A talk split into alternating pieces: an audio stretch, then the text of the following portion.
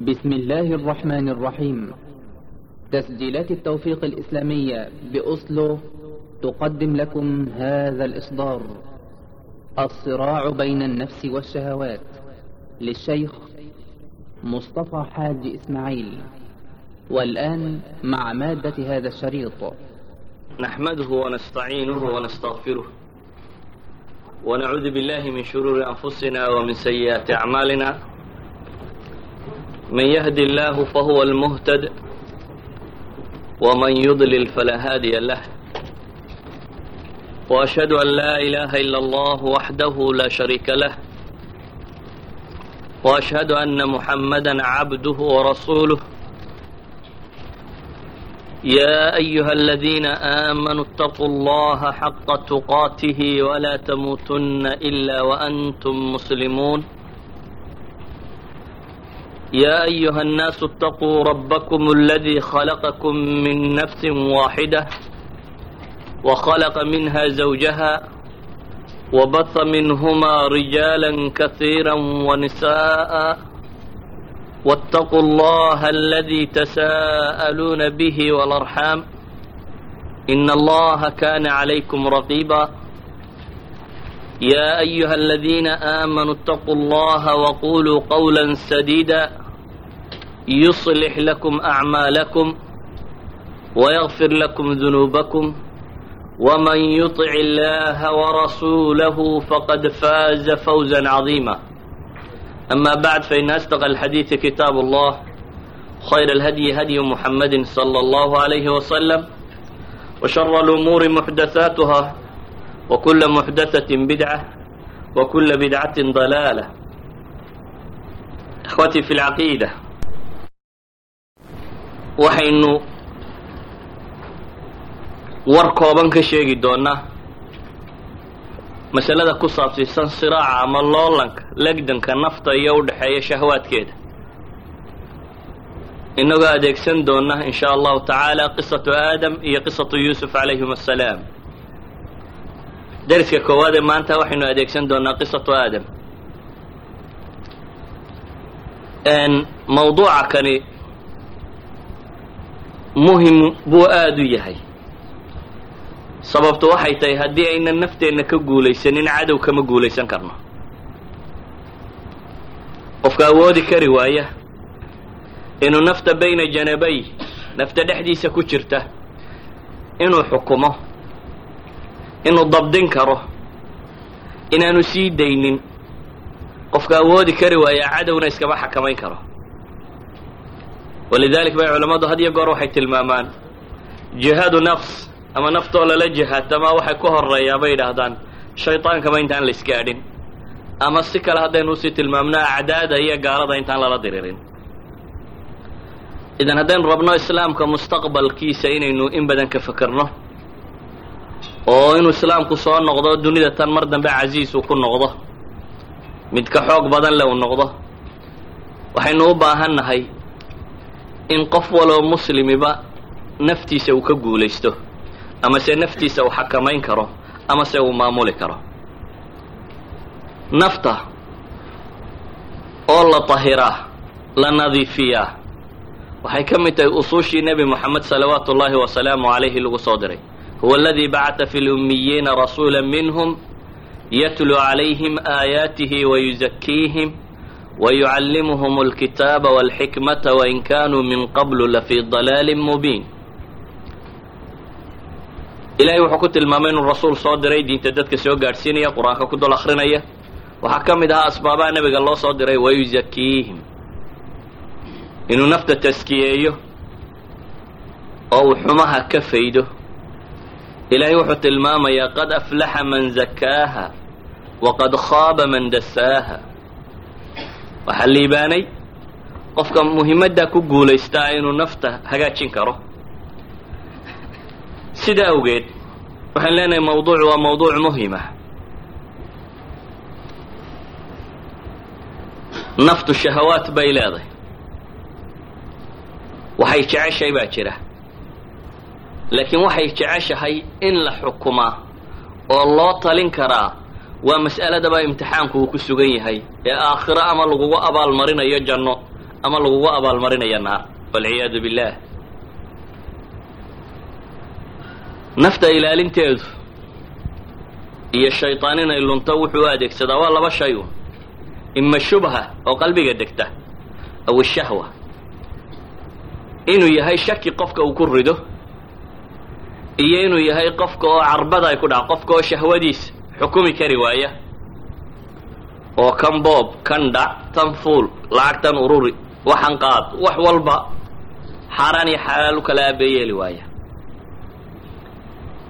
Masaladani markaa waxay ku fiican tahay maadaama aan nidhi qisaynu ka dhex eegaynaa bal aadam qisadiisu siyaabahay qur'aanka ugu soo aroortay qaar ka mida inaan akhriyo. Fii suurati taha ilahay wuxuu leeyay subxaana wa tacaala walaqad cahidnaa ilaa aadama min qablu fanasiya walam najid lahu cazma waid qulnaa lilmalaa'ikati isjuduu liaadama fasajaduu ila ibliisa aba faqulnaa ya aadamu ina hada caduw laka walizawjika falaa yukhrijannakuma min aljannati fatashqى ina laka anlaa tajuuca fiiha walaa tacrى وأنك لا تظمأ فيها ولا تضحى فوسوس إليه الشيطان قال يا آدم هل أدلك على شجرة الخلد هل أدلك على شجرة الخلد وملك لا يبلى فأكلا منها فبدت لهما سوآتهما وطفقا يخصفان عليهما من ورق الجنة وعصى آدم ربه فغوى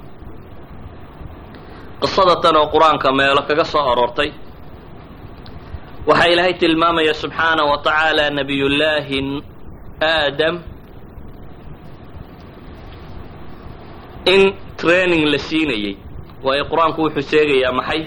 Iclaankii koowaad markii alla bixiyey inuu ku bixiyey in aadam loogu talagalay khaliifa fi lardi inuu noqdo. Waid qaala rabuka lilmalaa'ikati inii jaacilun fi lardi khaliifa. Laakiin intaan dhulka la keenin jannadaa la geeyey jannada waxaa loo geeyey inuu naftiisa garto meelaha ay u jilicsan tahay ee shaydaanku ka soo geli karo. Meelaha shahawaatu nafsigu ay ka dhici karaan. Walidalik baa ilaahay wuxuu ku tilmaamaya subxaanaه wa tacaala walaqad cahidnaa ilaa aadama min qablu fanasiya walam najid lahu cazma. Aadam ballan baan ka qaadnay baa ilaahay leeyahy ballankii waa ilaabay ama waa dhaafay. Walam najid lahu cazma go'aan adag kamaanan helin baa la leeyahy subxaana wa tacaala caziima ulilcazmi min arusul kamuu mid ahayn. Insaanka. Marka wax la rabo inuu barto. Haddii aada ugu sharaxdo theory yacni nadariya sharaxun haddaad ugu sharaxdo asaanu waxa tajribaynin inta badan si fiican uma garto. Matalan haddii mid idinka idinka mida la soo qabto oo la yidhaha waxa la rabaa inaad laaciba kura noqoto. Kubadda saasaa loo cayaaraa saasaa la yidhahdaa saasaa loo laadaa cagta halkaasaa lagaga dhuftaa markay halkaa mariso saasaa la yidhaha madaxa saasaa loogu dhuftaa intaa khabiir ma ku noqonaysa laaciba kura ma noqonaysa. Diinta deris laguu fadhiisiiyo laguu sharxo kubadda sida loo cayaaro. Waa maya. Yacni caqliyan waad fahamte sidan loo laadiyo saan loo ordayo saan wax loo jarayo saan loo dhigayo taagtigeeda iyo cumuuman waad fahamtay. Laakiin nadariye khaliya laguma noqdo maxay? Laacibu kura laabudda min tadriib. Waa inaad heshaa tadriib aada qaadato oo aada tijaabiso.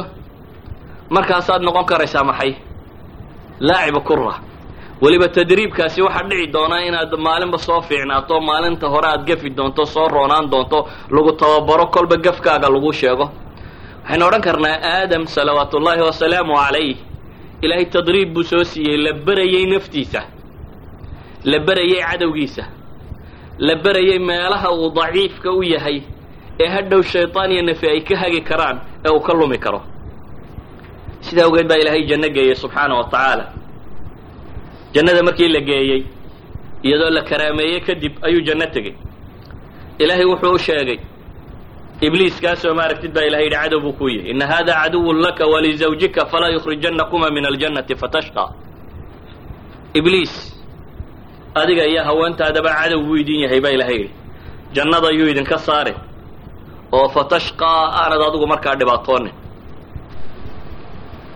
waayo jannada waxaad ku leedahay baa la yidhi inaanad gaajoon inaanad qaawismin inaanad harraadin iyo inaanad kulayloontoona intaba jannada waad ka helaysa. Ama haddaad iyada ka baxdo intuba way iman doonaan gaajo iyo harraad iyo kulayl iyo wax oo dhan waa la arki doonaa weliba dee adaa mas'uuliyadda qaadayaa la tilmaamayaa aadam haddaad tahy oo fatashqa yaani lama odhan fatashqaa baa la yidhi. Adaa markaa dhibtu ku raaci doonta. Ilaahay wuxuu inoo tilmaamayaa subxaanahu wa tacaala aadan in la yidhi wayaa aadam uskun anta wa zawjuka aljanna fakulaa min xaytu shi'tuma walaa taqrabaa hadihi shajara fatakuna min alظaalimiin fi suurati alacraaf ilaahay wuxuu tilmaamayaa subxaana wa tacaala in aadam la yidhi jannadaa cun waxaad doonto ka cun. Wax kaa mamnuuca jannadaasi inteeda kale ma jirto halkaa geed mooyaane. Wax aada u baahantoo kalena ma jiro. Laakiin naftu hal geed oo aanu garanaynba wuxuu yahay. Ayuunbaa hunguri ka gala janno dhan oo wax kastaaba ku yaalayn baa la yidhi waa fasaxa iyada saa doonta u laakiin faqad geedka kan isaga ha cunin. Geedkii ayuunbaaba la qurux badnaaday la macaanaaday. Waa hal geed. Halkii geedunbuu noqday waxa lagu itixaamay. Hal geedoo kaliya ha cunin. Waxa kaloo dhanna waa kuu fasax ee meeshaad doonto ka gal ilaahay wuxuu leeyahay fawaswasa lahuma ashayطaan ama fawaswasa ilayhi shayطaan fii suurati alacraaf iyo tahsay ugu soo kala aroortay. Waswasadu waa hadalka khafiga. Waa sawd khafiya shayطaan baa war u sheegay baa la leeyayo ku arrinka kan u tilmaamay. Shayطaan arrinka kan markuu aadam u tilmaamayey fitrada bini aadamka ee caadiga ahi xumaha ma aqbasho. Firada caadiga ah. waayo ilaahay baa wuxuu leeyahy maxay? Walaqad khalaqna alinsaana fii axsani taqwiim. Insaanka waxaan u abuuray baa la leeyay subxaana wa tacaala fii axsani taqwiim. Si fiican. Fidradiisa caadigii insaanka xumaha ma yeesho. Walaakiin si uu insaanku xumaha u aqbalo waa in shayga laga duwa xumannimadii oo la qurxiyaa. Waa in dib loo qurxiyaa oo aan loogu muujin qofka caqligiisa inuu wax xun yahay si uu aqbali karo. Ibliis farsamadaas buu khabiir ku ahaa. Inuu waxa wuxuu yahay aan waxaan ahayn uu ku sheego waana shayطaanka ugu weyne dunida iman doonee basharka tuu ugu xariifsan yahay. Bal ee culammadu yidhahdaan dhahdaan magiciisaaba ahaa dajaal waa fitnada ugu weyne laga digo min addajl waxay culammadu yidhahdaan addajl ay atamwiih walkadb waa wixii waxaanu ahayn loo ekaysiiyo dadka la moodsiiyo inuu caynka kan yahay. Walidalik baa xadiidkii saxiixu muslimka ku yaalay ee xudayfa bnu lyamaan uu sheegayay. Wuxuu nebigu ku tilmaamayay dajaalku waa soo bixi doona. Waina macahu maa'an wa naara. Biyo iyo dab buu wataa baa ilahay yidhi. Faama aladii yaraahu nnaasu maa'an fa naarun taxr kay dadku moodayaan biyuhu.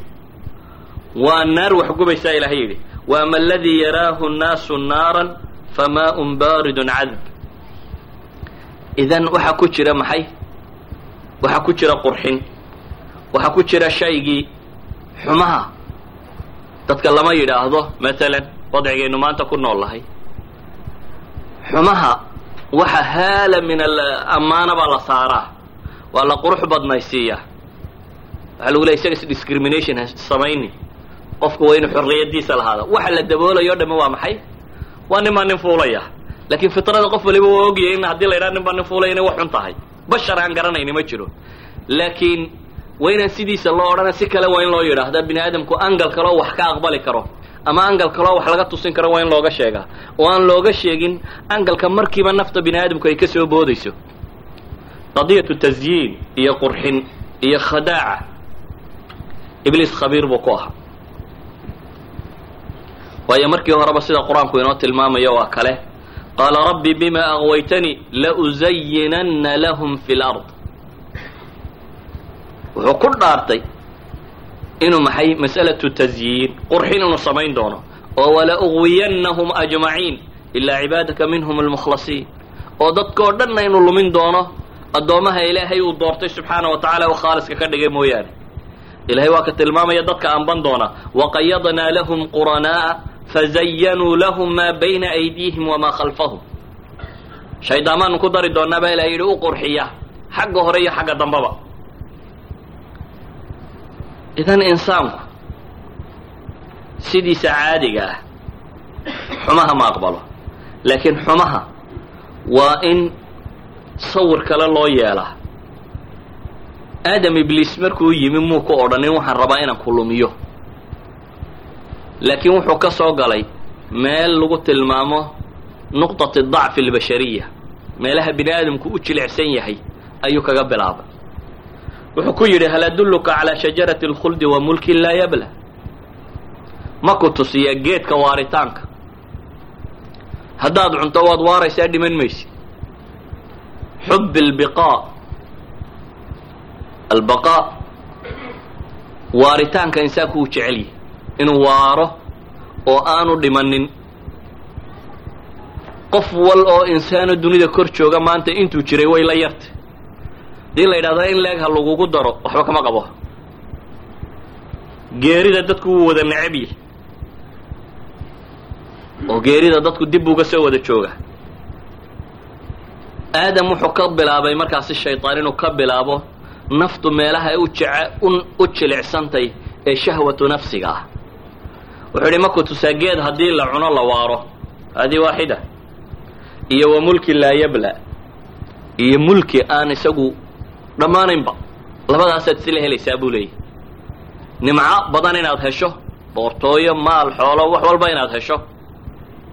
Iyo inaanad ka dhimanin. Insaanka waxaa ka mida markaasi wuxuu jecel yahay waarista. Inuu waaro insaanku uu jecel yahay. Wuxuu kaloo jecel yahay insaanku. Aljaaha walmaal albruuz inuu muuqdo oo dadka ka dhex muuqdo oo jaah iyo magac iyo boqortooyo iyo waxa kan uu yeesho farta lagu tilmaamo. Waa min fitrati albashariya. Inta ugu badanna kuwaasoo si xun loo adeegsadaa shahwaatu nafsiga oo dhammi inta badan ka yimaada. Kuwaasoo si xun loo adeegsado ayaa waxa ka yimaada waxyaabaha kan shahwaatu nafsiga lagu tilmaamayo intooda tirada badan leh ilaahi subxaanahu wa tacaala wuxuu inaga daweynayaa markaa masalada tan abuna aadam waa la tusiyey oo waxa la yidhi halkaa geedoo qura mamnuuca ha isku taabanin shaydaanna waa qurxiyey oo wuxuu ku qurxiyey inuu u tilmaamo geedkan haddii la cuno labadii waxa uu baahnaaba in la helayo qurxintiisaasi wax kasta uu ku qurxin karo wuu ugu daray wa qaasamahumaa inii lakumaa la min annaasixiin waxa ugu dhaartay inuu yahay kuwa naseexaynaya mid ka mid ah. Keligii waxma naseexaynaya inta wanaagga u wado oo dhan bu isna waa waaxid min hadihi aljamaaca. Dhaarna waa raaciye. Maadaama naftu waxay jecleed ay tahay aadam dhaartii alleba waa ilaabay oo ilahay waa kale walaqad cahidna laamka hore waa laam ilmuwaطa'a lilqasab kii alle waa ilaabay. Laakiin waxaan ibliis uu kuuqinayo tirada badan leh iyo naftoo meesha u jilicsanayda haddii labadaasi isu kaa helaan khatar baad ku jirtaa hadday labadaasi isu kaa gargaarsadaan insaanku khatar buu ku jiraa. Idan insaanka meelaha ugu khatarsanee laga hogaamiyo waa shahwaati nafs oo waxyaabaha naftu ay jeceshahay. Shayaaiinul insiga maanta joogaana waa bahasha iyo jin iyo insiba isku daro waa kuway ku takhasuseen in la qurxiyo. Oo ama sida loo falsafadaynayo loo sharxayo ha noqoto. Ama waxyaabaha xataa scientifically baa laysugu dayayaa in wax badan lagu cilmiyeeyo. In laga dhigo nafta shahawaadkeeda haddii aad dabdido inaad xataa xanuunsanayso o waalanayso. Imka haddaad psychiatrist u tagto waxa koowaad ee ku weydiinaya mataqaanaa yani freud fikraddiisii baa ka dambaysaa taxliili nafsi. Freudkii odaygii jarmale yahuudiga ahaa ee noloshoo dhan ku saleeyey inay sagas tahay walidalik psychiatrist kastoo aad u tagtaa su'aasha koowaad ee ku weydiinaya waxa weeyaan naxaas ma leedahay imise goor baad saga samaysaa waayo wuxuu rumaysan yahay haddii aanaad saga samaynin in waalidu xagga ay ka timaadaba naftan la cadaadiyey la caburiyey ee shahwaadkeedii loo diiday inay cuqad samayso nafsiya cuqadkaasina akhiiran inay keenaan maxay inuu qofku waashaba calaa haada yani asaaliib cilmiya la rabaa in laga dhigo waxaa la gaadhsiiyey sida loo tasyiininayo loo qurxinayo inuu waxani tiro batay. Ilaahina subxaanahu wa tacaala wuxuu inoo sheegayaa. Aadam meeshan trainingkaa lagu soo siinaya kow inaynan waaraynin. Waaristanaynu jecellay. Shajarat alkhuldiga loo sheegay inaan halkan lagu waaraynin adduun baa la ydhaha waa meel laysugu itixaamayo laakiin arrinta tani waa shahwa nafsiya xaggee waa ragba min ragabaati albashariya waa doonista bini aadamka wax ka mid a ilaahay meel kalu ku ballan qaaday doonistaa inuu kuugu dhammaystiro. Wa fiiha maa tashtahi lanfus wa taladu lacyun meel kalaa lagu ballan qaado walidalik tan markaad joogtaan baa ilaahay leeyahy subxaana wa tacaala waa kullu nafsin daa'iqat lmowt shahwadan waxaanad isugu sii mashquulin. Waa la dhimanayaabaa ilaahay leeyahy subxaana wa tacaala innaka mayitun wa inahum mayituun ilaahay wuxuu tilmaamayaa nebi maxamed adiguna waad dhimanaysaa salawaatu ullahi wasalaamu caleyh iyaguna way dhimanaya. Haddaad adigu geeriyoto ma yagaa waaraya baa ilahay leeyahy subxaana wa tacaala. Cagsigeeda waxaa laynoo tilmaama. Si aad nafta u controli karto inaad u sheegto meel ay shahwaadkeedoo dhan ka helaysaa inuu jirto janno la ydhaahdo kow qur'aanka markaad jannada akhrido meel kasta ku aroorta khaalidiina fiiha iyo jannat alkhuld iyo jannatu cadnin iyo daaru salaam iyo daaru qaraar iyo ilaahay magacyo badan buu ku tilmaamay. Oo dhammaantood sheegaya inay waarayso.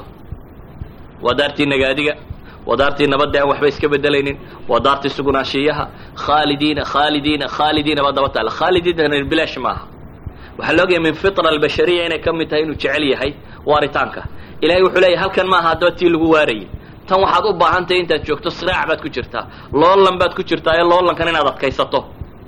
Inaad adkaysato naftan aad xukumi kartid. Oo kow geeri aad u sheegto inay dhimanayso. Dhadhan badan shahwadu yeelan mayso haddaad u sheegto inay caawa kaa bixi karto berri inay dhiman karto kuwii adiga kaa horreeyay inay dhinteen dadba waddadan iduu wada maray. Inaanay geeridu kala qonin waa brofessor iyo waa sheekh iyo waa caalim iyo waa midh yar iyo waa midh weyn nin waliba inuu dhimanayo inaad nafta u sheegto meeshay waxaan oo dhan ka helayso inuu yahay maxay? Aakhira inay tahy jannada lagu waaraa inay aakhiro jirto. Culamadu waxay dhahaan insaanku jacaylka uu jecel yahay inuu sii waaro daraaddeed. Waa waxyaabaha keena bay leeyihiin maxay? Xidhiidhkan ragga iyo dumarka ka dhexeeya ee inuu nasl iyo carruur raadiyo. Waa waxyaabaha keena bay leeyihiin xubbi lbiqaagu markuu ogaaday inaanu isagu waaraynin inuu taran ka tago qofku hadduu waxba dhali waayo maxaa la ydhaha waa goblano waa kana maxaa ka goblamay? Yacni waxaa la tilmaamaya kaanamaa jiritaankiisi uu dabar go'ay oo aanu baaqi lahayn. Markaa waxaad rabtaa xataa haddaad adigu dhimanayso inaad ka sii tagto maxay? Wax baaqi noqon karaya. Haddaad adigu dhimanayso inaad ka sii tagto maxay? Magac. Waari may sida war ha kaa hadha bay idhahdeen inaad magac ka sii tagto. Ilaahay wuxuu ina baray. Nasli iyo waxaan oo dhami waa ziinat alxayaati dunya. Inaynu kuwa khayr la raadino waxaa kaloo layna baray. Magacaynu ka teginaana mid khayr qaba un inu noqdo. Wajcal lii lisaana sidqin fi laakhiriin ilaa uu magac fiican yani magacaad ka tegaysaa inaanu magac shar noqon iyo macsiye inuu noqdo maxay? Mid khayru ku jiro iyo wanaagga inaad astaan u noqoto inuu noqdo magaca aad ka tegaysaa xub lbruuz insaanku inuu muuqdo wuu jecel yahay. Laakiin waxaa layna baray wajcalnaa lilmuttaqiina imaama. Imaam oo ahlu taqwa inaad noqon karto inuu kaa noqdo kaad ku dadaalayso waxaa layna baray meesha loolanka u baahani yacni nafta jacaylka loo qabo waa waxa keena xaasidnimada iyo anaaninimada iyo kelinimada iyo waxaan oo dhan waxa keena laakiin waxaa layna baray wax kale inaynu ku tanaafusno inaan noloshan ku tanaafusin. Wa fii dalika falyatanafas ilmutanaafisuun baa ilaha yidhi intuu janno ka warramay alle subxaana wa tacaala leenahay marka shahwaatu nafsigu adduunkan kuma buuxsamaan. Meesha ay ku dhammaystirmaan waa janno. Meesha ilaahay leeyahy wax kastoo aad doonto ayaad helaysaa. Waxaynu u baahannahay waa mulki laa yablaa buu ibliis sheegay boqortooyo aan dhammaanaynin. Ilaahay wuxuu rabaa subxaana wa tacaala inuu inoo tilmaamo tan adduunku inay dhammaanayso. Wadrib lahum mahala alxayaati addunya kamaa in anzalnaahu min alsamaa faاkhtalata bihi nabaatu alard faasbaxa hashiiman tadruhu الriyaax wakaana allahu calaa kuli shayin muqtadira. Almaalu wاlbanuuna ziinaة اlxayaati اddunya wاlbaaqiyaatu الصaalixaatu khayru cinda rabbika hawaaba wa khayru amala ilaahay wuxuu inoo sheegaya subxaana wa tacaala war noloshan adduunyo oo dhami waa sidii biyaha cirka roobka ka yimaada ee dabeetana dhulka ku qasma ee dabeetana geedaha soo saara ee geeduhu haddana markiiba ay dhammaadaan. Markiiba ay dhammaadaan oo burburaan oo xashiish dabayshu qaado ay noqdaan.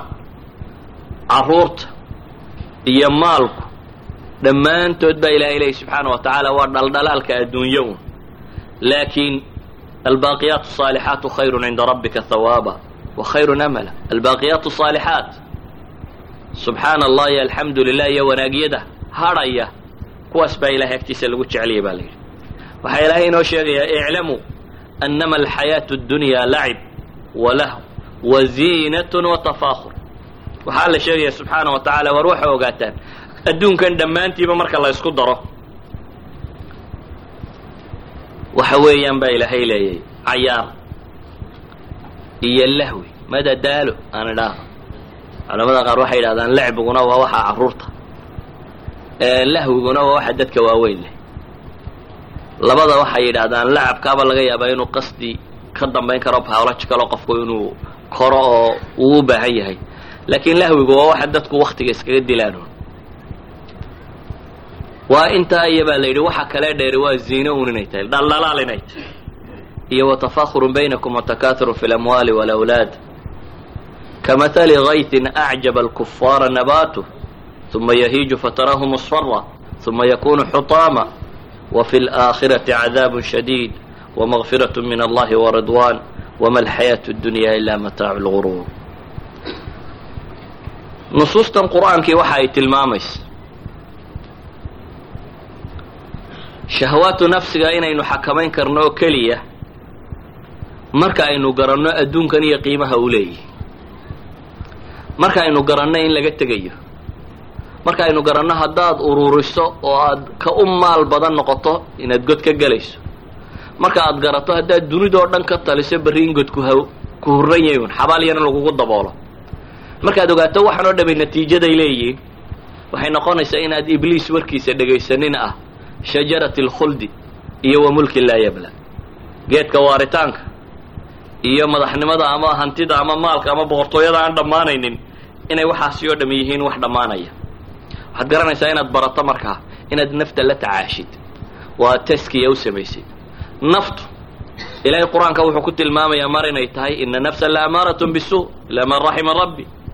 Inay xumaha dadka farto. Waa marka canaanka waa marka hoggaanka loo sii daayo ee waxay doontaba la yidhahda maxaad u baahantay? Naag baad u baahantahay soo caawa. Cunaad u baahan tahay cun. Wax walba marka loo sii daayo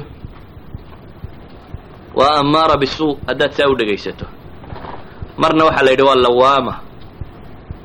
Lawaama waxay tahay baa la yidhaahdaa marka ay xaq iyo baatilka kala garato ee isku dayda inay xaqa raacdo ee haddii gafafka qaar ka dhacaanna intay dib u toobad keento mid canaan badan oo nadamku la saaxiib yahay oo ka toobad keenta xumaha markay gaadho waa nooc min atarbiya markay heshaabay halkan soo gaadhi kartaa xad bay gaadhi kartaa ay noqoto muطma'ina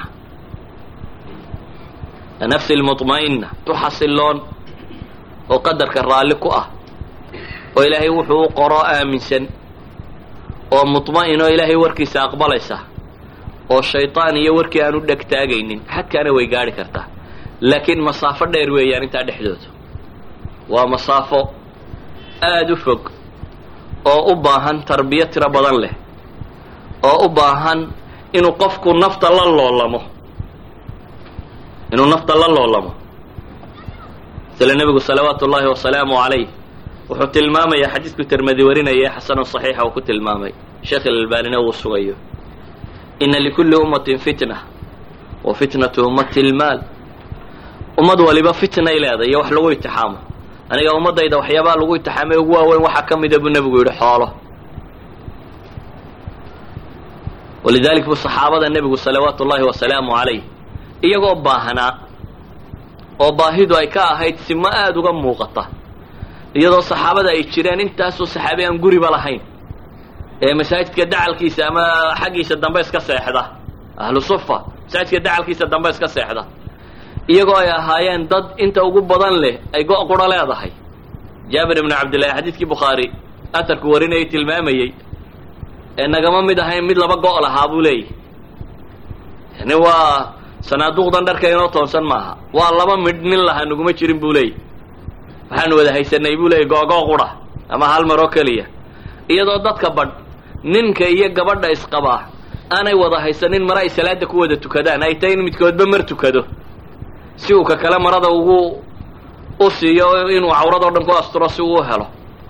Iyagoo nolosha noocaasiya soo maray oo guriga nebiga salawaatu ullaahi wasalaamu calayhi aan laba laba bilood dab laga shidin dabba la shidan ayuu haddana wuxuu nebigu lahaa. Inna mima akhaafu calaykum min bacdi waxyaabaha ugu weyn ee aan idinka cabsanayo aniga gadaashay. Waa in ilaahay idiin fura buu nebigu yidhi zahrat addunya wa ziinataha nolosha dhaldhalaalkeeda iyo macmacaankeeda in laydiin furo ayaa ah waxyaabaha ugu weyn aan idinka cabsanaya buu nebigu leeyay yani wuxuu nebigu u arkay inay nooc min alfitna tahay nooc min alimtixaan inay tahay.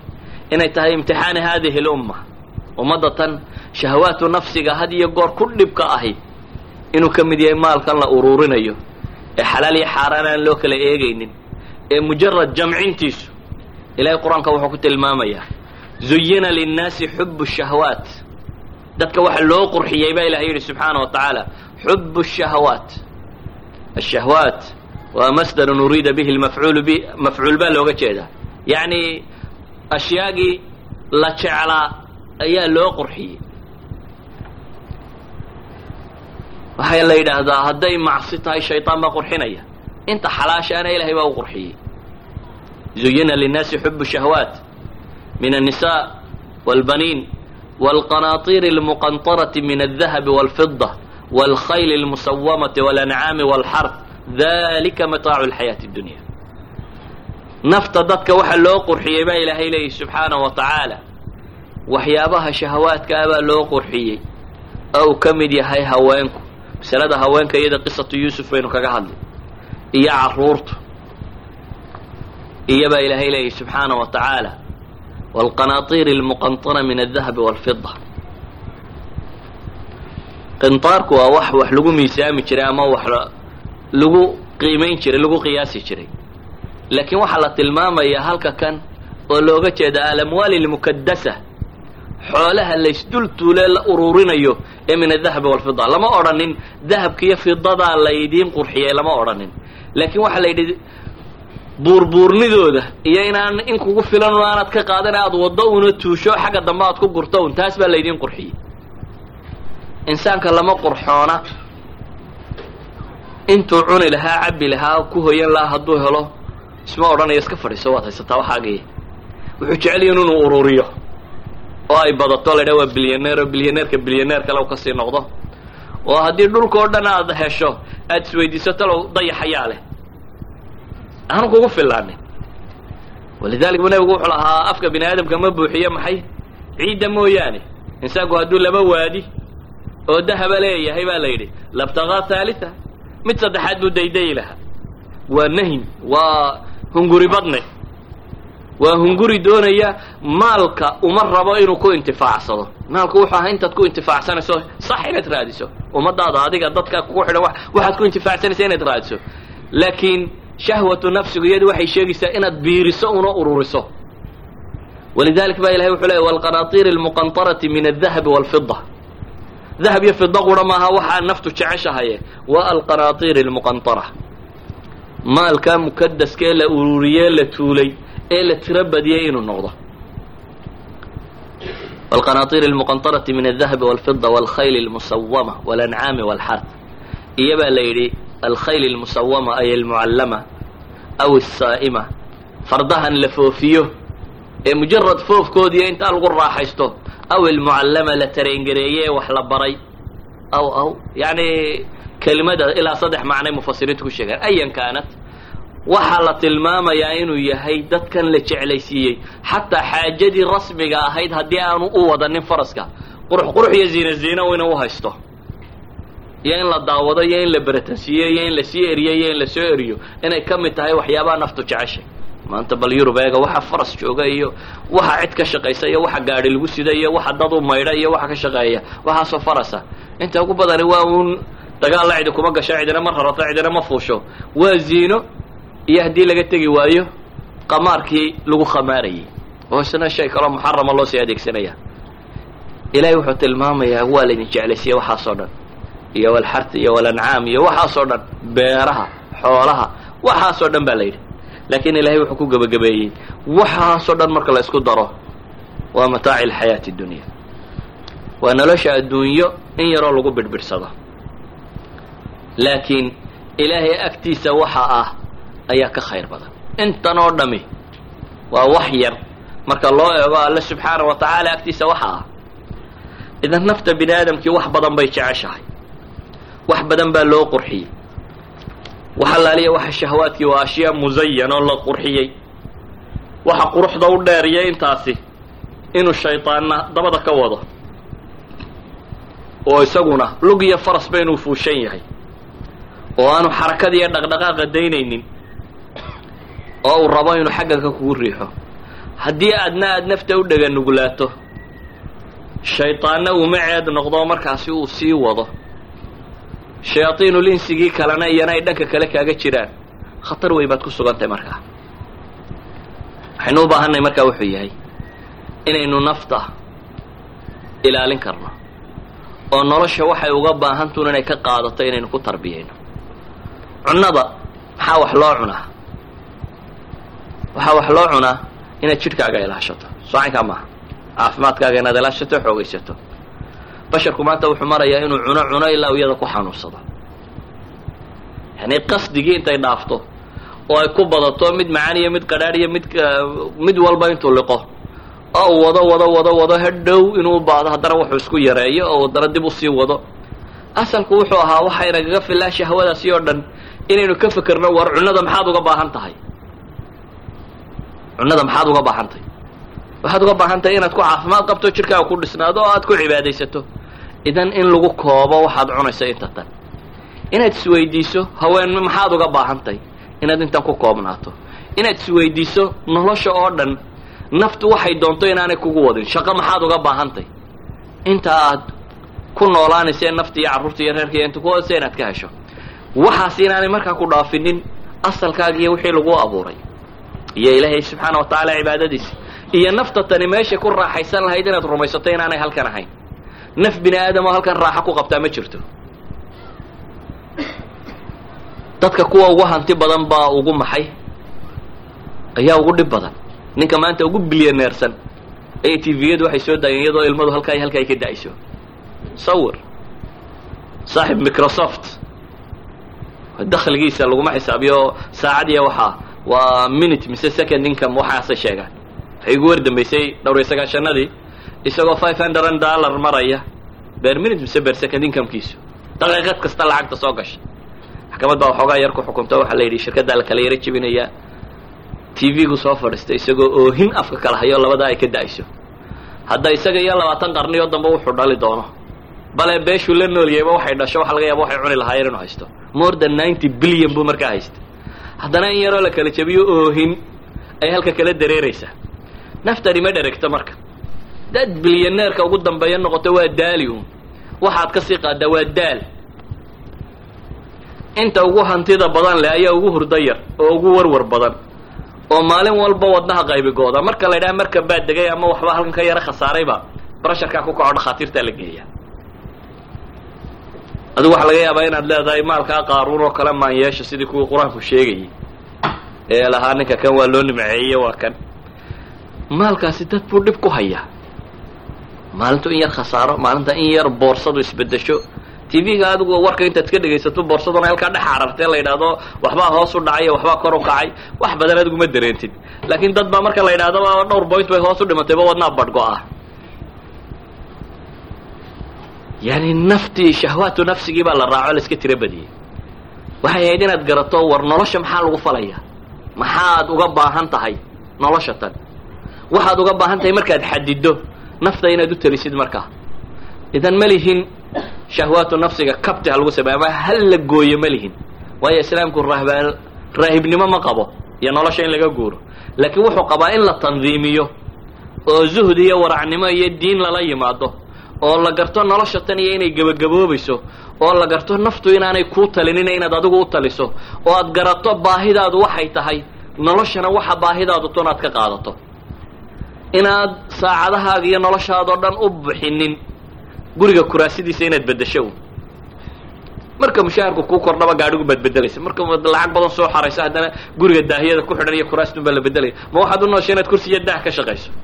Adigu isma lihid laakiin xaqiiqadu waa taa waayo awariskan tirada badan la aad shaqaysay intani waxay soo kordhiyeenuun in reerka kuraastii hore laga daadiyo daahiyada hore in laga guro iyo wax lamida un bay soo kordhiyeen. Noloshaadu waxay ahayd inay ka qiimo badnaato daah bedelkii iyo kursi raridii iyo kolba sariir sariir ku bedel inay ka qiimo badnaato. Walidalik ayaa dadkii naftooda xakameeyey. Nebiga salawaatu ullaahi wasalaamu calayhi iska seexday oo soo toosay oo ay ku taallo xasiirkii salligii yaraa uu ku sooxday xariijimihiisii ayay waxay yidhaahdeen ilaahay rasuulkiisi aan furash yar kuu soo samayno oo aad ku seexato. Oo anigii adduun maxaana kala galay? buu ku yidhi nebigu salawaatu ullahi wasalaamu caleyh miyaan anigu ahayba? Sidii nin geed hadhsaday oo dabeetana dee ka tegayo nin raakibo oo raaxiladiisii intuu geed uun hoos hadhsaday ka dhaqaaqay mooyaane miyaan anigu wax kala ahay? buu nebigu ku tilmaamayay idan waxay leenahay naftu waxay u baahan tahay in la xakameeyo waxay u baahan tahay in caqliga la isticmaalo. Waxay u baahan tahay wax kastoo aad qabanayso inaad su'aal iska weydiiso a maxaan uga baahnay inaanay naftu ku wadin amase bulshada hareerahaaga taagani inaanay kuu noqonin midaad ku dayato un oo markaa bulshada hareertaada joogta ama inaan t v-gu ku hagin iyo iclaanaadka ka soo baxa? Oo markaa t v-ga wax cusub ku aragtaba ama iclaan cusub soo baxaba. Aanay naftu ku odhan adigana kaa waan u baahnay waxaan dariska ku soo koobaya qisatu aadam waxaanu soo qaadanon laba masalo ah inaynu garanno meelaha aynu u jilicsannahay. Awowgeena aadam ahaa halkii ibliis uu ka galay innagana ina dayn maayo wuu inaga gelayaa. Aadamna waxaa qisadaa loo soo mariyey in tadriib rasmiga la siiyo inu wax ku qaadano waayo isaga bashar hore oo ka horreeye u arkayay ma jirin. Isagii baa bilaabay. Isagana ilaahay subxaana wa tacaala trainingkaas buu siiyey. Waxaynu markaasi u baahan nahay waxaynu la noollay ummad maadiya waxaynu la noollahay ummad inaga qiyam gedisan. Waxaynu la noolnahay meel shahwaadku ay xagga sare marayaan cirka ay marayaan ama miqyaaska wax lagu qiimeeyaba uu yahay shahwatu nafsiga. Waxaynu leenahay meel runtii khatarteedu ay aada u badan tahay sidaa ogeed waxaynu u baahan nahay inaynu baranno nafta sidii aynu u hogaamin lahayn sidii aynu nafta khayrka u bari lahayn ugu train garayn lahayn sidii aynu nafta waxii shahwaate ay leedahay ugu tilmaami lahayn ama se ugu sheegi lahayn inta ka khusayso oo qura.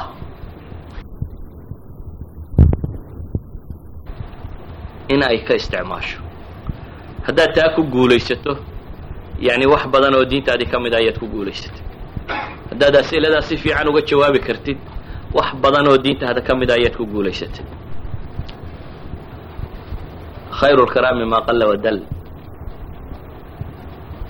hadal ku kooban oo waxa la rabana tilmaama ayaa ugu fiican buu nebigu yihi salawaatu ullahi wasalaamu calayh waxaan ku soo koobayaa warkaygu wuxuu yahay masalada tan ku saabsanan maanta oo u jeeday inaynu garanno naftu meelaha ay u jajaban tahay ee laga wadi karaa inay kuwaasi yihiin qur'aanku uu sheegay iyo wixii la halmaala. Iyagana inay wax allaaliya dhibta tirada badan le shahwaatu nafsiga ku xidhan oo dhami inay ka ratibanto. Haddaad meelahaa gufayn karto si fiican aad u gufayso in nolosha inta kaleo dhanna la xukumo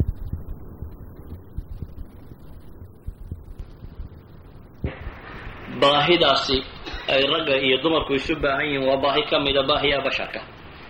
Laakiin waa baahiyaha le dawaafic tiro badan oo qofka hore u riixda. Se u baahan in badan dawaabid ama waxyaabo ilaaliyo oo controola oo qofku uu ku badbaadi karo. Nabigu salawaatu ullahi wasalaamu calayhi axaadiista ka sugan waa ka ku tilmaamayey waxyaabaha ugu daran waliba ummadiisa yani fitanka ugu daran ma taraktu fitnatan ashad cala ummati min fitnati nisa waina fitnatu bani israa'iila kanat fi nisa ayuu nabigu tilmaamayey salawaatu ullahi wasalaamu calayh inuu haweenku yahay fitanka ugu daran ee qofka soo waajaha weliba qisada tan haddaynu in yar u fiirsanno oo runtii inagaga filan mas'alada tan iyo suuradeeda dhammaanteed qisatu yuusuf oo ilaahay subxaana wa tacaala rasuulkiisii iyo nebigiisii ah.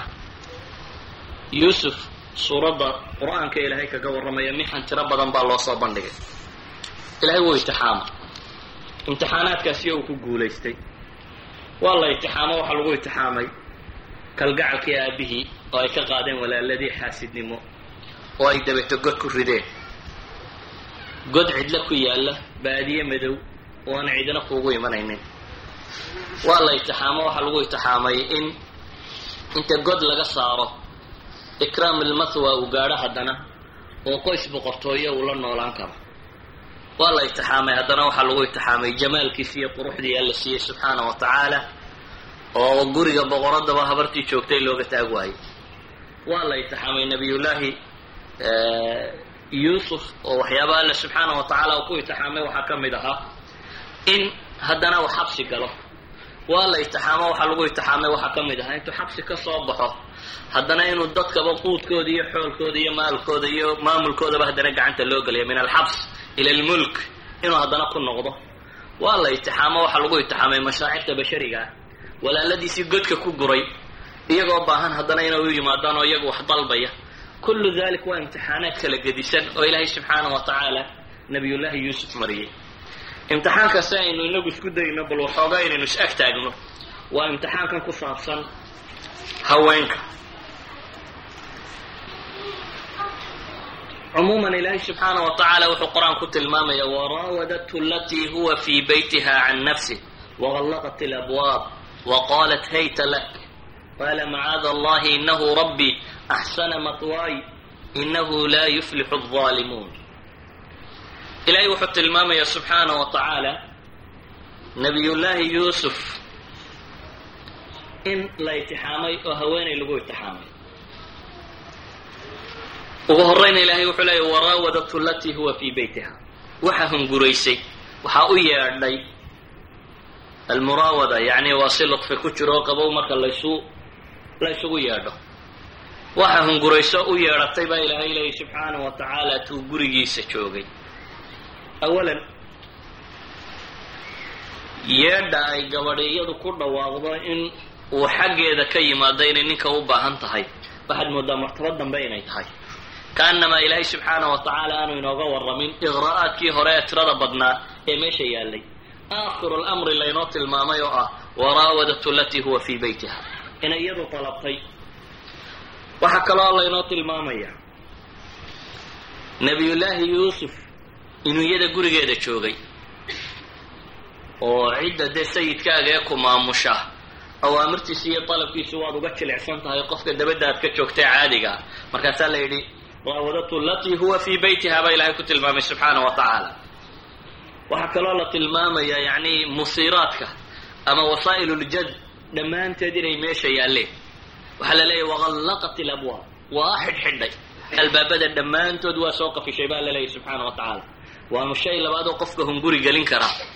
Haddii cidla oo albaab weliba kuu xidhan yahay oo dalabku iyada ka yimi gabadha oo gabadhu ay sayidadee ama gurigii dee ciddii lahayd ay tahay oo isagu uu raqiiq yahay oo qofka raqiiqa ahi ama qofka la addoonsanaya waa ka jilicsan yahi oo waxan waa uga jilicsan yahi yani qofka isagu xorriyadiisa iska haysta weliba wasaa'ilu tashjiic oo dhan bay isticmaasho. Muraawado qura qadiyadda kumay daynini.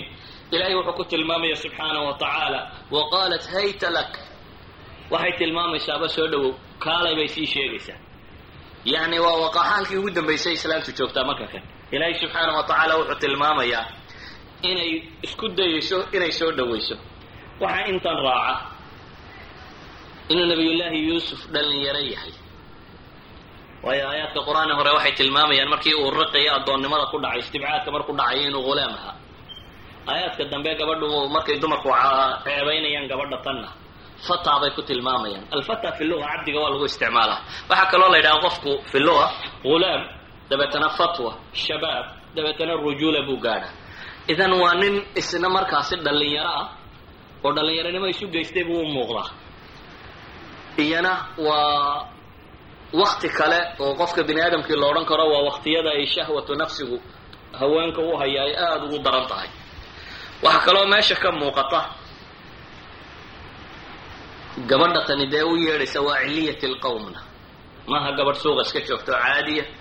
Ee waaba dee imra'at lcaziiz waa gabadhii boqorku uu qabay idan waa ciliyati lqowm bay ka tirsantay. Waxaa intaas raacsiisan oo kale inay haddana gacantana xataa ku dartay. Oo ilahi waa ku tilmaamaya wastabaqa albaab. Yani inay gacanka hadal gaadhay oo arrinku aanu ahayn muraawado qura iyo wada hadal la leeyahay soo dhawow keliya ee inay xataa isku dayday gacanta inay isticmaasho. Waxaa intaa dheer ninku waddan aan waddankiisii ahayn markuu joogo had iyo goor ceebta kama xishoodo dadkaaga iyo qaraabadaada iyo tolkaaga iyo meelahaaga markaad joogto ceebta waxa laga yaabaa inaad aada uga yuusuf dhulu qariib ku yahay oo addoonnimo loo gatay oo aan cidina ka garanaynin ayuu jooga. Waxaa intaasi u wada dheer baynu odhan karnaa marka. Oo ay gabadhan isticmaasho. Wax allaaliya wixii qof bini aadama lagu hunguri gelin kari lahaa. Ilaahi subxaanahu wa tacaala qur'aanka wuxuu ku tilmaamaya inuu nebi yuusuf isagoo halkaa jooga uu diiday. Qaala macaada allah acuudu billah ilaahay baan magan galay buu leeyahy nabiy llahi yuusuf naftiisuu xejin karay. Iyadoo waktigani uu yahay wakti qofka isxejiyaa qof caadiya aanu ahayn. Waayo nebigu salawaatu ullahi wasalaamu calayh axaadiistiisa waxaa ku sugan waktiyada ay xadku halkaa gaadho hadduu qofku isxejin karo inuu yahay dadka abaalmarinta weyn leh qadiyaddu ma ahaan qofku zinuu ka tego keliya waxa weeyaan waa mawqif xaraja buu galay. Mawqif mashaacirta iyo cawaatiftu ay ka xoog badato inta badan caqliga. Sidaa awgeed buu nebigu salawaatu ullahi wasalaamu caleyh xadiidkii saxiixa wuxuu ku tilmaamayay toddobadii carshuraxmaan hadhsanayay ama hooska helayay maalinta qiyaamaha ee aan dadku hadh ka haysanin toddobadaasi waxaa ka mid ahay oo nebigu salawaatu ullahi wasalaamu caleyh tilmaamayay warajulun dacathu imra'atun datu xusnin wa jamaal wa fi riwaaya datu mansabin wa jamaal. Nebigu salawaatu ullahi wasalaamu calayh wuxuu yidhi waxa toddobadaasi ka mid a nimay u yeedhay gabadh qurux dhammaanteed iska leh iyo mansib ciliyati lqowmka ah oo markaa dabaqada sare ee la hungureeyana ka tirsanay waayo qofku mawqifka halkaasiyo intuu gaadho inuu nafta xejiyaa waa meel adag. Waa meeshaasi dhaxal siinaysa maalinta qiyaame ee dadku cadceedu wada hoos taagan yihiin ee qof waliba uu dhididayo intii dembigiisu leekaa in ilaahay subxaanahu wa tacaala uu hooskaasi siinayo. Waa mawqif adag inuu yahay waxaa kuu tilmaamaya xadiidu halaatha saddexdii nin ee nebigu salawaatu ullahi wasalaamu calayhi uu sheegay inay god meel intay jirsadeen god galeen dabeetana dhagax ku soo dulundulcooday afka uu godka ka xidhay saddexda nin midba camalkii khayrka lahaa ee uu ilaahay dartii u sameeyey ayuu alle ku baryay subxaana wa tacaala. Midi biri lwaalidayn buu ku baryey midina shaqaalihiisa oo u samafalay buu alle ku baryey midi labadiisa waalid iyo sidii ugu samafalay xadiiska waa macruuf agtiin ayuu ilaahay ku baryay subxaana wa tacaala in ilaahay godkan dhagaxa ka fujiyo marka kan inbaa fuqday. Kii labaad wuxuu alle ku baryey subxaana wa tacaala saddexda nin mid ka midii wuxuu ilaahay ku baryay isaguna inuu nin shaqaala ah shaqadiisii markuu sirisi uu kaga tegay dabeetana xoolihii uu sii hayay uu u koriyey mar dambe uu helay uu wafeeyey iyagoo soodiya ka saddexaad wuxuu ilaahay ku baryayey oo uu sheegtay inay gabadha ilmaadeeriyin jirtay oo uu jeclaa oo uu raadceeyey oo hunguri badani ka galay oo diiday oo ka adkaysatay oo beri dambe isagoo weli kalgacalkii qalbigiisa sidii ugu jiro ay soo martay iyada oo baahiyaysan oo dabeete wax weydiisatay oo uu ku yidhi waxbaan ku siinayaa isukay dhiib oo ay markii hore ka aqbashay oo uu dhiibay boqol iyo labaatan diinaar. Boqol iyo labaatan diinaar waa imisa? Four point twenty five haddaad ku dhufato. Waa shan boqol iyo toban garam yani waa nuskiilo dahaba. Oo uu nuskiilo dahaba siiyey oo bacda dalik markay isu dhiibtay ay ilaahay xasuusisay subxaana wa tacaala oo ay tidhi bikaarada tan ha ku goynin. Xaqeeda mooyaane ina dariiqii ilaahay uu baneeyey soo marta mooyaane oo markuu bayna shucaabiha alarbac uu joogay weedha tan la yidhi ay ilaahay xasuusisay subxaana wa tacaala. Waa mawaaqif xaazima. Mawaaqifta tan qofku hadduu isqabto waxaa laga yaaba adigu yani qofku markuu caadi iska yahay inuu is yidhahdo o muxuu sameeyey? Zinun buu ka tegay soo maaha zina maaha inaad go'aanka waqtiyada qaarkood qaadataa wax fudud maaha. Yacni zinadu marka lagu yidhaahdo albaabkeeda xidh ee hore inaan furin bay roontay albaabkeedu markuu xidhan yahay inuu sidaa kaaga xidhnaadaabaa roon. Shareecaduna shahwaatu nafsigan waxaa la ogyahay go'aamadan cidda qaadan kartaa inay cid yar tahay. Walidalik baa nebigu salawaatu ullahi wasalaamu calayh uu sidan u dhiiri gelinaya uu u tilmaamaya dadkii mawaaqiftan qaatay ee halkan istaagay iyagoo u banbaxay fitnada. Fitnada intaanad u banbixin inaad nabad gasho waa suurtagal. Yani qofka bini aadamka ahay markaad keligaa tahay waad isla xoog badantay waad isla sabir badan tahay waxaad is leedahay malaa ma nin unbaa intuu jihaad gala matalan soo cararaya. Laakiin markay xabaddu dhan walba ka yeedhay agtaada ku dhacday kii kaa horreeyey dhintay kii kaa dambeeyey dhintay mid la eryade ciidanku jabay. Nafta markaa sabirtee meesha ku adkaysata ee tawalla yowma zaxfi samayn weyda waa ka ilaahay u tilmaamaya inay khayr badan leedahay. Idan mawaaqiftu insaanku markuu qaadanaya markay nadariyaadka tahay wax waliba way fudud yihiin qof muslimo la yidhi zina iska daa inuu zina iska daaya waa wax fudud bay kuula muuqataa laakiin marka xawaabista waxa kuu kalifaya inaad zinaysato dhame markay hareerahaaga joogaan. Ee qofku uu gaadho wadciga kan inuu halkaasi uun inuu waxaan rumeeyo iyo inaanu rumaynin inay u gaadho. Oo markaasi mawqifka kan qaato waa nin ra ka tegay ninka go'aankan qaata. Waa nin ra ka tegay ninka go'aanka kan qaata.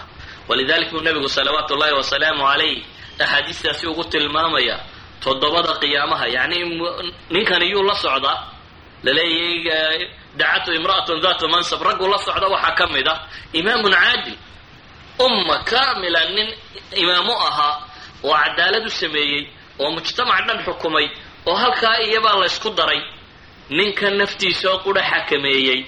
Markii laakiin arrinku uu halkan gaadhay.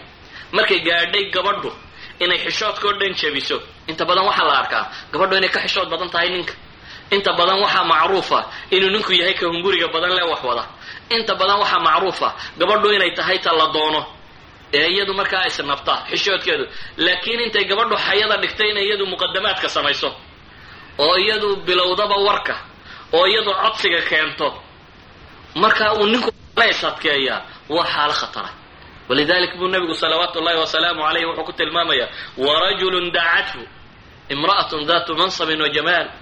Nimay u yeedhay gabadh quruxna leh mansabna leh.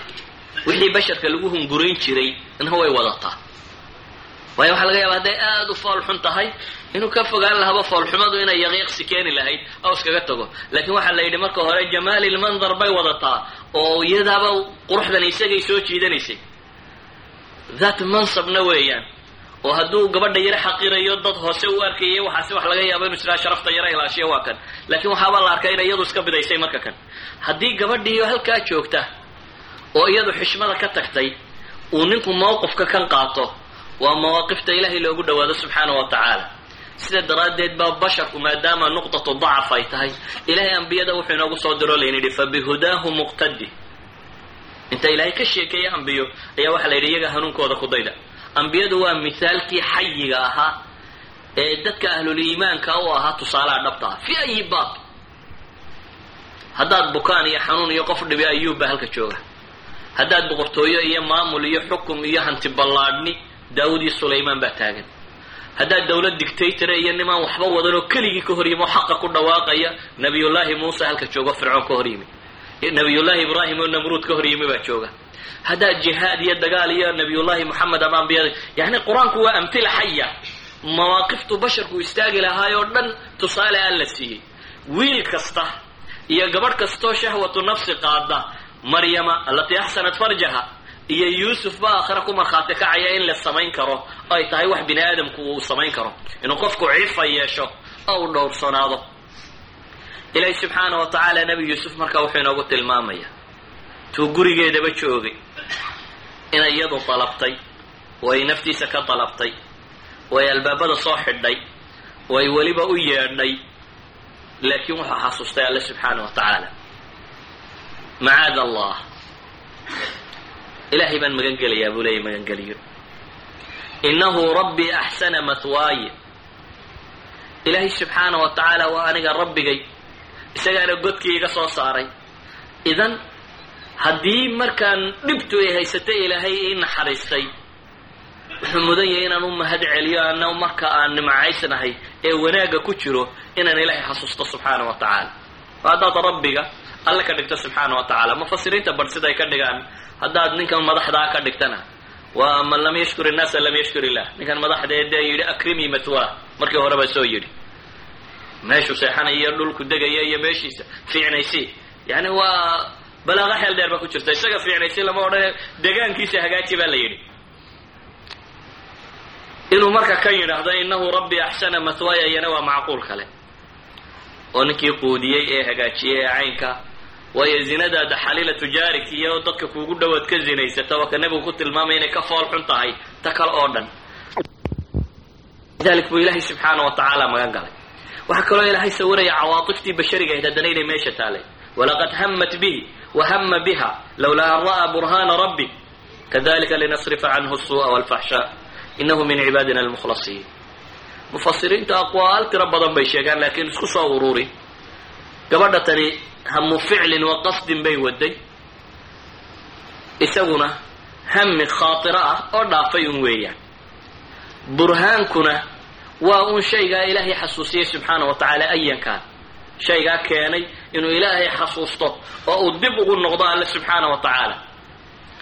Ilaahay baa wuxuu tilmaamayaa waxaa sidaana loo yeelayay in xumaha laga weeciyo.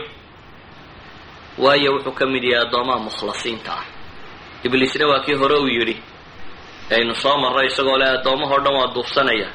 Ilaa cibaadaka almukhlasiin mooyaane inta alla uu doortay ee xumaha laga dahiray intaa mooyaane.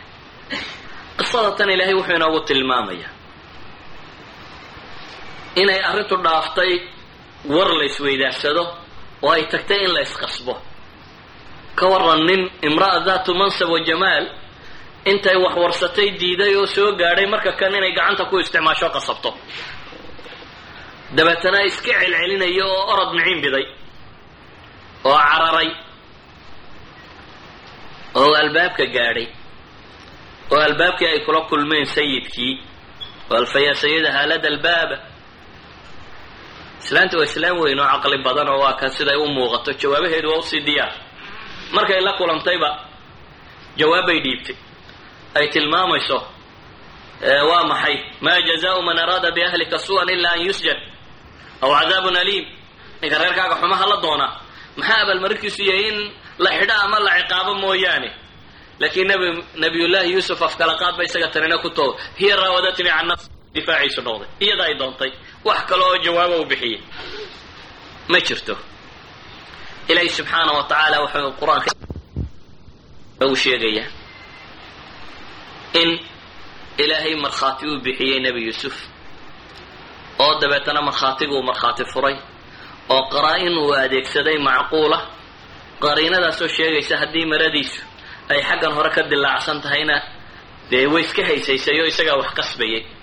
Hadday maradu dhabarka ka dilaacsan tahayna in ay iyadu soo qabqabsanaysay isaguna uu sii cararayay waxaa kaloo meesha ka muuqata dadka ciliyatulqowmka ee asxaabka jaahiliyiinta ee aan diintu qalbigooda xoogga u deginin hiiradu siday u dhimato. Dabeetana in warka la dambabaso uun oo aan wax weyn laga dhigin. Oo uu yidhaahdo yuusuf markay qadiyaddu caddaatay acrid can haada. Iskaga jeesoon adigo warkaa waxba hashaacine meeshaada iska joog in la yidhaahdo.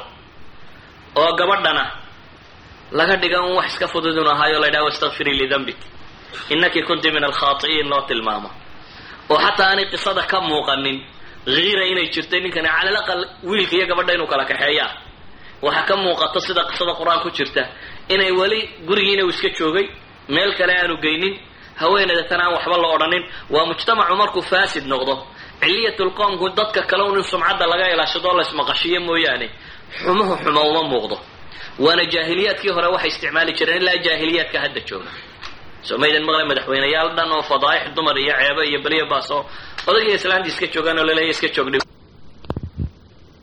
jirteen wa kadalik ayi jaahiliya diinka fogaadku uu ku dhaco waa sida tan un dhaqankooda. Warkeedii markuu faafayna derbiga uu dhaafay ee magaalada uu gaadhay ee la yidhi imra'atu lcaziizi turaawidu fataha qad shaqafaha xuba turaawidu fataha can nafsi. Qad shaqafaha xuba inaa lanaraaha fi dalaalin mubiin. La yidhi imra'atu lcaziiz wiilkeedii yaraabay raadacaysay waxaa la yidhi shikafulqalbi baabu ka galay. Yani waa xuubka yara wadnaha ku daboolan. Xuubkuu jeexay xataa yo yani qalbigeeda ayuu degay kalgacal iyo cishka waxay u qabtay. Waxaanu arkaynaa bay dhahdeen inay mid baadi ku sugan tahay. Markay ogaatay dacaayadii iyo warkii laga sheegay. Maxay isku difaacay intay dumarka u yeedhay may doodin oo may odhan anigu waxan ma qabo ama sida tani ma jirto ama caynkani ma jirto. Waxay samaysay uun bii-a jirtay oo kale ah. Maadaama iyanay mufsidiin kale ku og tahay bii-adii oo kale hadday hagaajiso u sallaxdo waxay og tahay inay nafsu shay iyana qaadanaysa waayo zinada may ceebaynayna turaawidu fataaha un bay yidhaahdeen.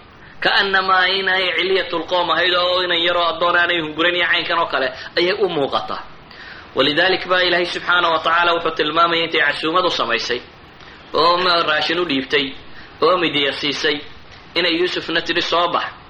Oo dabeetana jamaalkii yuusuf markay ka argagaxeen ay gacmaha iskoogooyeen iyana waxay ku dooday markaa fadalikuna aladii lumtunanii bih. Waxa igu canaananayseen waa kaa dabeetana war cad baabay furtoo ah. Waxa aan ugu yeedhayana hadduu yeeli waayo. Anaa naftiisa ka doonay bay tidhi. Waanu iga adkaystay. Hadduu aqbali waayo waxaan ugu yeedhayana. Waa xabsigaa loo dirayaa bay leeyihi oo kuwa la duleeyey ayuu ka mid noqonayaa yuusuf weli fitnadii buu dhex yaallaa. Waxay taagan tahay haatan in kooxaha weyn wada raaceen. Waxay taagan tahay markii hore waxay ahayd muraawada. Markii hore waxay ahayd dalab markii hore waxay ahayd tashjiic hayta lak markii hore waxay ahayd jawigoo la fiicnaysiinayo qudha hallaqat ilabwaab markii hore waxay ahayd inay waxoogaa gacanta ku daydo oo soo riixi riixido wastabaqa albaab. Laakiin hadda arrinku halkaa wuu dhaafay waa tahdiidkaba dambaysa. Waa ama waad samaynaysaa. Waxa lagaa rabo ama xabsigaad gelaysa. Ama waad samaynaysaa waxa lagaa doonayo ama xabsiaad gelaysaa bay hadda joogtaa. Qofka mu'minka ahi ee ilaahay ku xidhan subxaana wa tacaala waxaa jira silaax hub khatara oo gacanta qofka muslimkaa ku jira inuu isagu isticmaali garan waayo mooyaane. Waa hub laxdad kasta oo naftu isugu kaa timaada haddaad adeegsato la hubo inaad ku guulaysanayso waa hub ilaahay qur'aanka in badan inoogu tilmaamayo. Ambiyada tilmaamayo. Ambiyada waa ka ilahay nebi walba intuu ka soo warramo dhibta haysatay isagoo ilaahay beri fastajabnaa lahu fastajabnaa lahu ilahay ku wada tilmaamayo. Waa hub runtii dadka mu'miniinta ahi waxgoyntiisa in badan oo ka mid ay ilowday oo aanay xasuusnaynba. Asbaabo kale iyo meelo kale bay u jeestaan marka dhibtu ku timaadaba. Nabiyullaahi yuusuf wuxuu bilaabay inuu hubkiisa adeegsado. Qaala rabbi sijnu axabu ilaya mima yadcuunanii ilayh wailaa tasrif canii kaydahun asbu ilayhin wa akun min aljaahiliin. Ilaahay buu baryay qaala rabbi buu bilaabay. Qofka muslimka ahina hadduu ilaahay si dhaba gacmaha ugu taago ilaahay ma hoojiyo. Hadduu si dhaba ilaahay gacmaha ugu taago ilaahay ma hoojiyo. Qofka muslimkii wuxuu rumaysan yahay naftiisa iyo qalbigiisuba bayna isbacayni min asaabici araxmaan inuu ku jiro yuqallibuhaa kayfa yashaa. Siduu doono inuu alla u rogrogayo subxaana wa tacaala. Wuxuu rumaysan yahay meel kastoo adagoo uu galo naftu inay kollayba daciif iska tay wa khuliqa alinsaanu daciifa. Waa daciif insaanku. Idan wuxuu ku xoog yahay markuu ilaahay ku tiirsado subxaanahu wa tacaala. Wuxuu arkayaa naftiisu inay khatar ku jirto. Maxay khatar ugu jirtaa? Shahwatu nafsiha bay khatar ugu jirtaa qofka mu'minka ah cadowga ilaahay ka fogeeya ee janno ka durkiya naar u kaxeeya waa isugu mid. Walow kaanat nafsuhu alatii bayna janabayhana ha ahaatee waa isugu mid. Isku si buu ilaahay uga magan galaa cadowga khaarijiga ah ee gaal leh ee shaytaan leh iyo markay naftiisuba ay noqoto tuu ka cabsanayo. Wuxuu ilaahay ka baryayaa subxaana wa tacaala. Zinadu wax fudud maaha innaga waxa weeyaan acmaashii waaweynayd ee kabaa'irta uu nebigu ku tilmaamay almuubiqaat kuwa waxalaaga. Ayaa say maskaxdeenna ugu soo noqnoqonaysay ugu soo noqnoqonaysay agteenna loogu samaynayay suuraddeeda aynu arkaynay ayaa waxay nala tahayba koob shaaho la cabay wax weynba maaha. Laakiin nabiyullaahi yuusuf xabsigu waxba lama aha marka kan. Xabsigu waxba lama aha walidaalik wuxuu isticdaamsanayaa la weyn inuu zino ku dhaco dabeetana taa meel kala daaya hadduu meel kale uu ku baxsado waayo oo meeshu ku baxsanaya ay xabsi uun tahay dariiqo kale aanay furnayn ayuu wuxuu ilaahay baryayaa inuu xabsiga ka dooranayo haddii dariiq kale la waayo oo lagu badbaado markaas bu wuxuu leeyahy rabbi sijnu axabu ilay ilaahayow xabsiga ayaa agtayda looga kalgacal badan yahay waxay haweenkaasi igu yeedhayaan mima yadcuunanii ilayhi imka waa jamaaca. Oo waayo haweenkii meesha fadhiyey ee loo keenay waa kuwii bilaabay ma hada bashara in hada ilaa malakun kariim. Dabeetana safkii islaantaa la raacay. Marka waa jamaaca dhan hadda soo dhaaftay islaantii qudhahay saa daraaddeed buu wuxuu leeyahay ilaahayo waxa agtayda xabsigaa lagaga jecel yahay. Mima yadcuunanii ilayh jamaacada tani waxay iigu dhawaaqayaan ilahay haddaanad iga sarfin oo iga kaxayn buu leeyahy kuwan kaydkooda iyo dhagartoodana asbu ilayhin.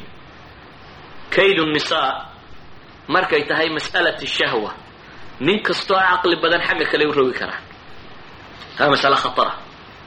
Walidalika waxaa layna faray inaynu albaabadan awdno marka horeba. Waxaa la yidhi qul lilmu'miniina yaguduu min absaari mu'miniinta waxaad tidhahdaa ishiina dhowrsada wuxuu nabigu tilmaamayay salawaatu ullahi wasalaamu alayh iyaakum aljuluusi fi turuqaat. Waddooyinka ha fadhiisanina. Ma ka maaranaba markay yidhahdeenna waxa la yidhi xaqeeda siiya. Xaqeeda maxaa ka mida markay yidhahdeenna waxa la yidhi qadulbasar isha ceshada.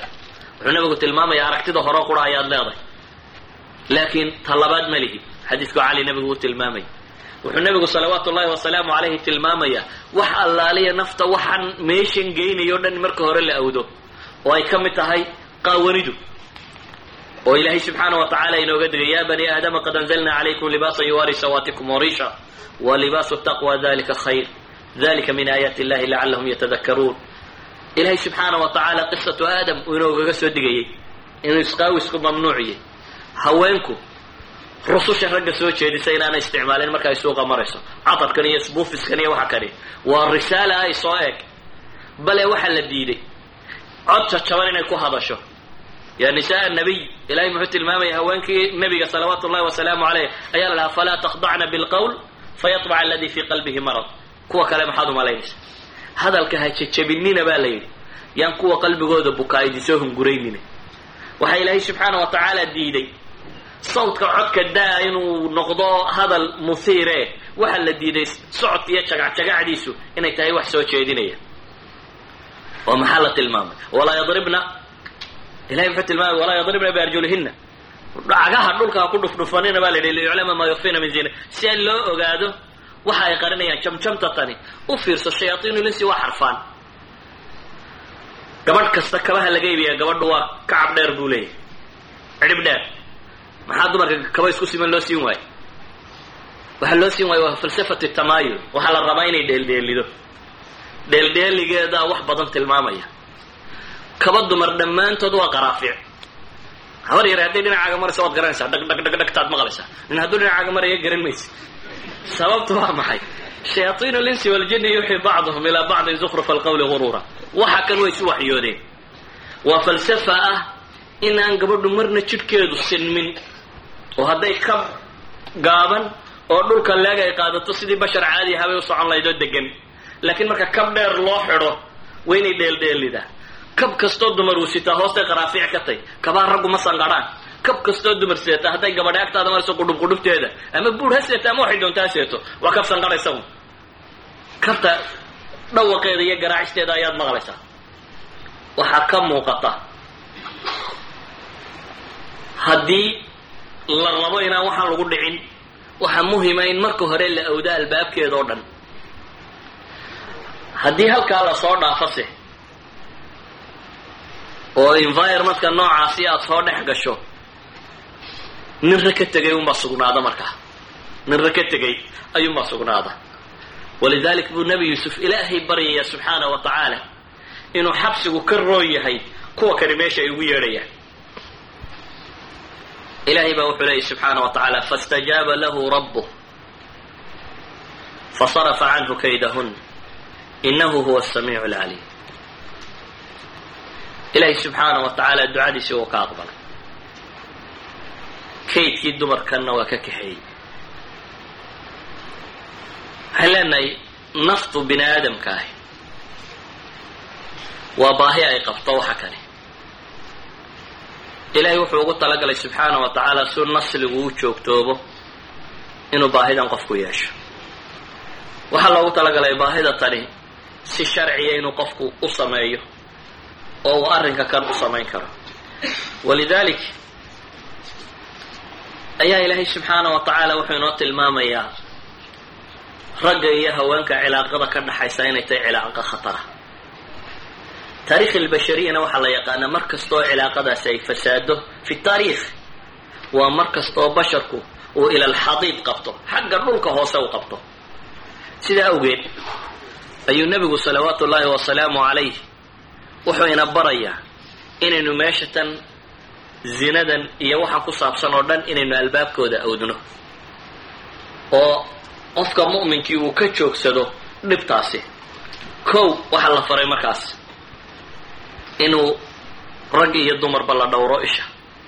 Waxaa la ysfaray haweenku iyagoo cadar sita inaanay soo bixin. Waxaa la ysfaray haweenku inay zayi islaamiya o xishmadi ka muuqato ay qaataan.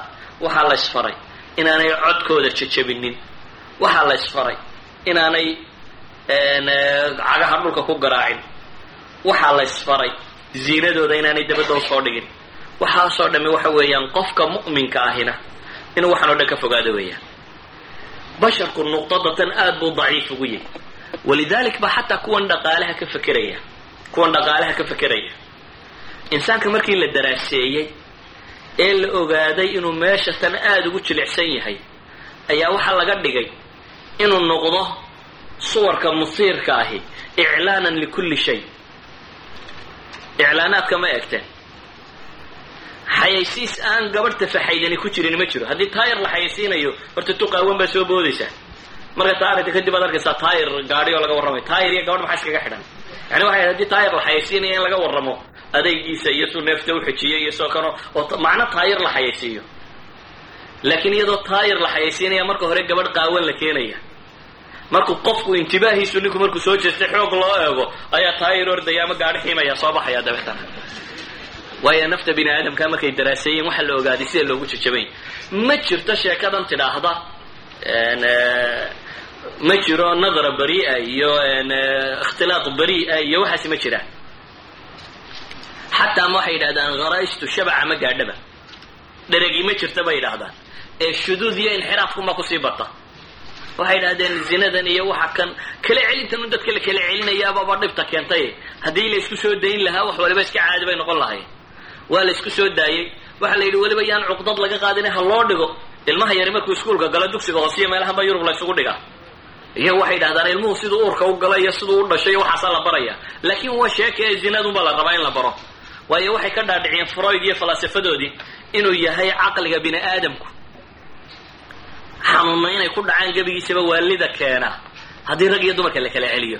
Hadihi hiya falsafa yani haabita oo culumtan ay inoogu sheegayaan psychology cilmi nafsiga ay sheegayaan alcilmi nafsi taxliili weliba waxay yidhaahdaan wuxuu ku salaysan yahay fikrad ka dambaysa inta badan ah xuriyad in laga dhigo sagaska ama jinsiga shay mushaaca way ka dhigeen waxay yidhahdeen in wuxuu markii laga dhigay u sii baxay ila alinxiraafi washuduud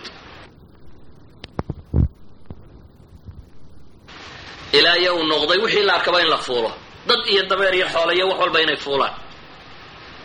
Waa markii inxiraafkooda waxay ahayd dee haddii rag dumarka laysku sii daayay waxaana inuu noqdo maxay? Wax caadiya laakiin waxay leeyihiin markii laysku sii daayay ka sii darta waxay noqotay wax maxay? Tasawuraadka basharkaba ka baxsan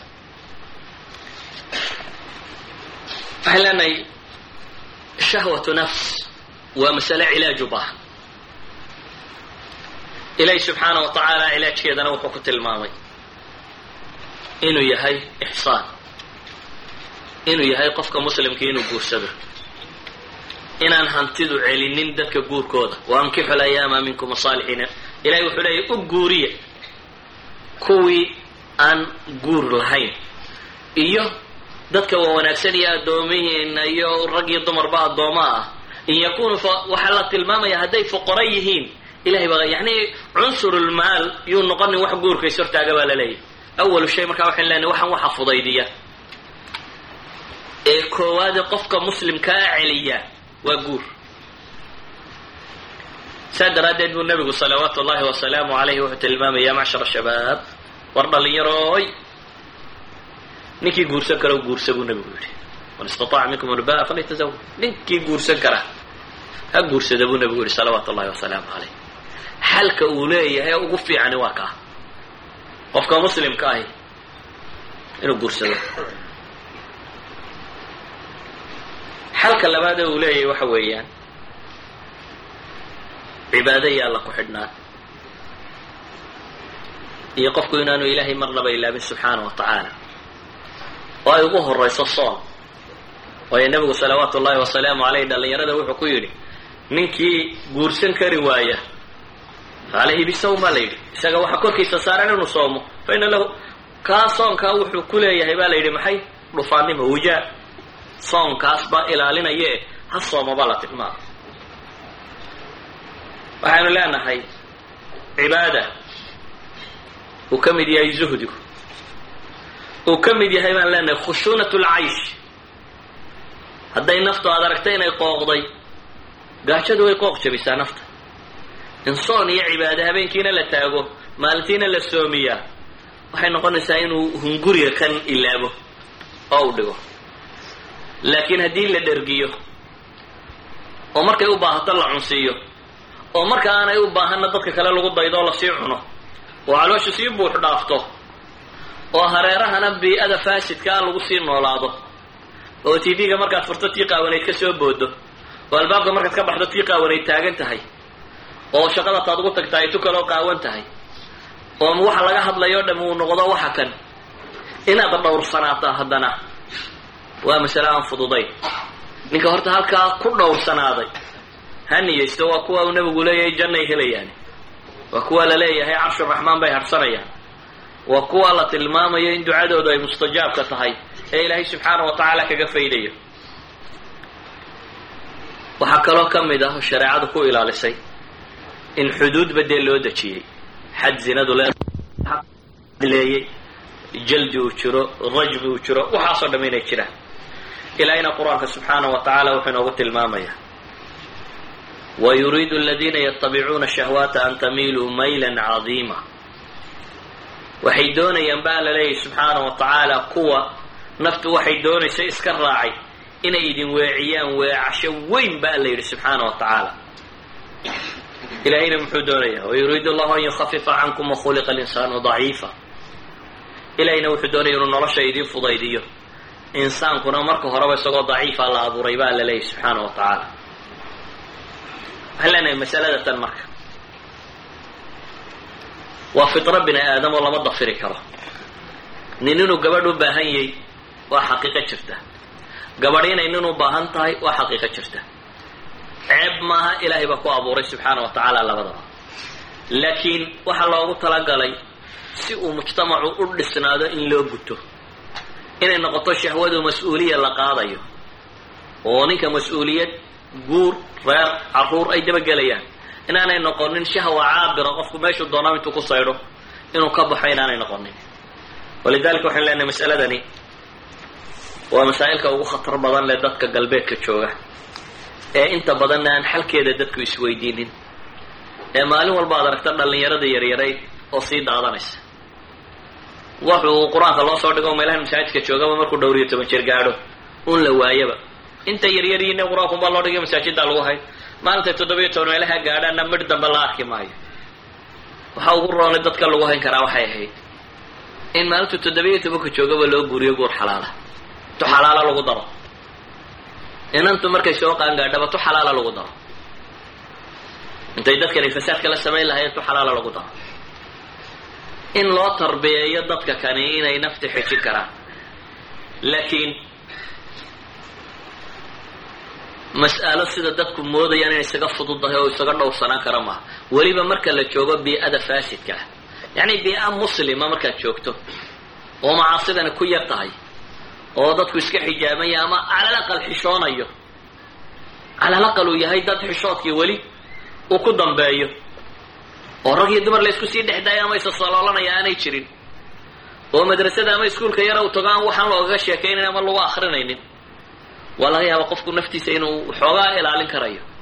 Laakiin marka bii-adan faasidka uu sii galo ee dugsigii loogu dhigayo ee t v-gii uu ka daawanayo ee shaqadii uu ka arkayo ee way noqotay wax laga baayac mushtareeyo. Oo jaraa-idka ugu tirada badan leh t v-yada ugu tirada badan leh aflaamta ugu tirada badan leh dhammaantood ay qurunkan un ka warramayaan. Oo qofkii ay adadkaataba inuu meelu kaga baxa u helo. Waxa qura u kaga bixi karaa waxa weeyaan in qofka loo guuriyo. Axsan ariiqa waa qof kasta oo muslima oo guursan kara inuu guursado. Inaan waxba dib u dhigin. Qof kasta oo muslima oo guursan karaya inuu guursado. Waalidku inay fudaydiyaan oo ay ka daayaan brotocolkan tirada badan le iyo hantida tan iyo waxaan oo dhan in laga fudaydiyo. Waa ilmahagu inuu kuu dhowrsanaado hadduu inan yahay hadduu inan yahayba ayaa adiga khayrka kuugu jira. Inuu kuu dhowrsanaado oo aanu kaa saaqitin ama aanu kaa lumin ayaa khayrka kuugu jira saa daraaddeed in la fudaydiya wax badan oo brotocolaadka tirada badan le laga daayo oo uu noqdo dadku ilaahay kelmadiisa inay isku banaystaan dabeetana ay xalaal isoo ahaadaan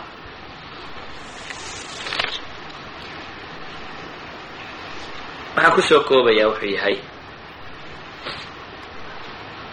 shayطaanku walaa tattabicuu khuطuwaati shayطaan baa ilahayna leeyahy udkhulu fi silmi kaafa islaamnimada wadagala baa ilahay yihi oo tallaabada shay tallaabooyinka shaytaanka raacina. Shaydaanku yacni marba tallaabuu ku qaadsiinaya. Maalinta hore haddaad sheekada dumarka ku soo dhiirato. Maalinta labaadna waxaad ku sii yara dhiiranaysaa meel wada jooga maalinta saddexaad waxaa sii fududaanaya xishoodkii iyo wixii idiin dhexeeyey. Siday u sii socotoba khudwaati shaydaan midiba mid bay kuu dhiibaysa meelay ku gabagaboobaysaa ma jirto ilaa iyo fasaadka mooyaane walidalik ba waxaa la yidhaha alwiqaayatu khayru min alcilaaj mushkilaadka in marka hore wiqaayada la isticmaalo dhowrsoonida in la isticmaalo ka hortaga in la isticmaalo ayaa waxay ka roon tahay in cilaajka la isticmaalo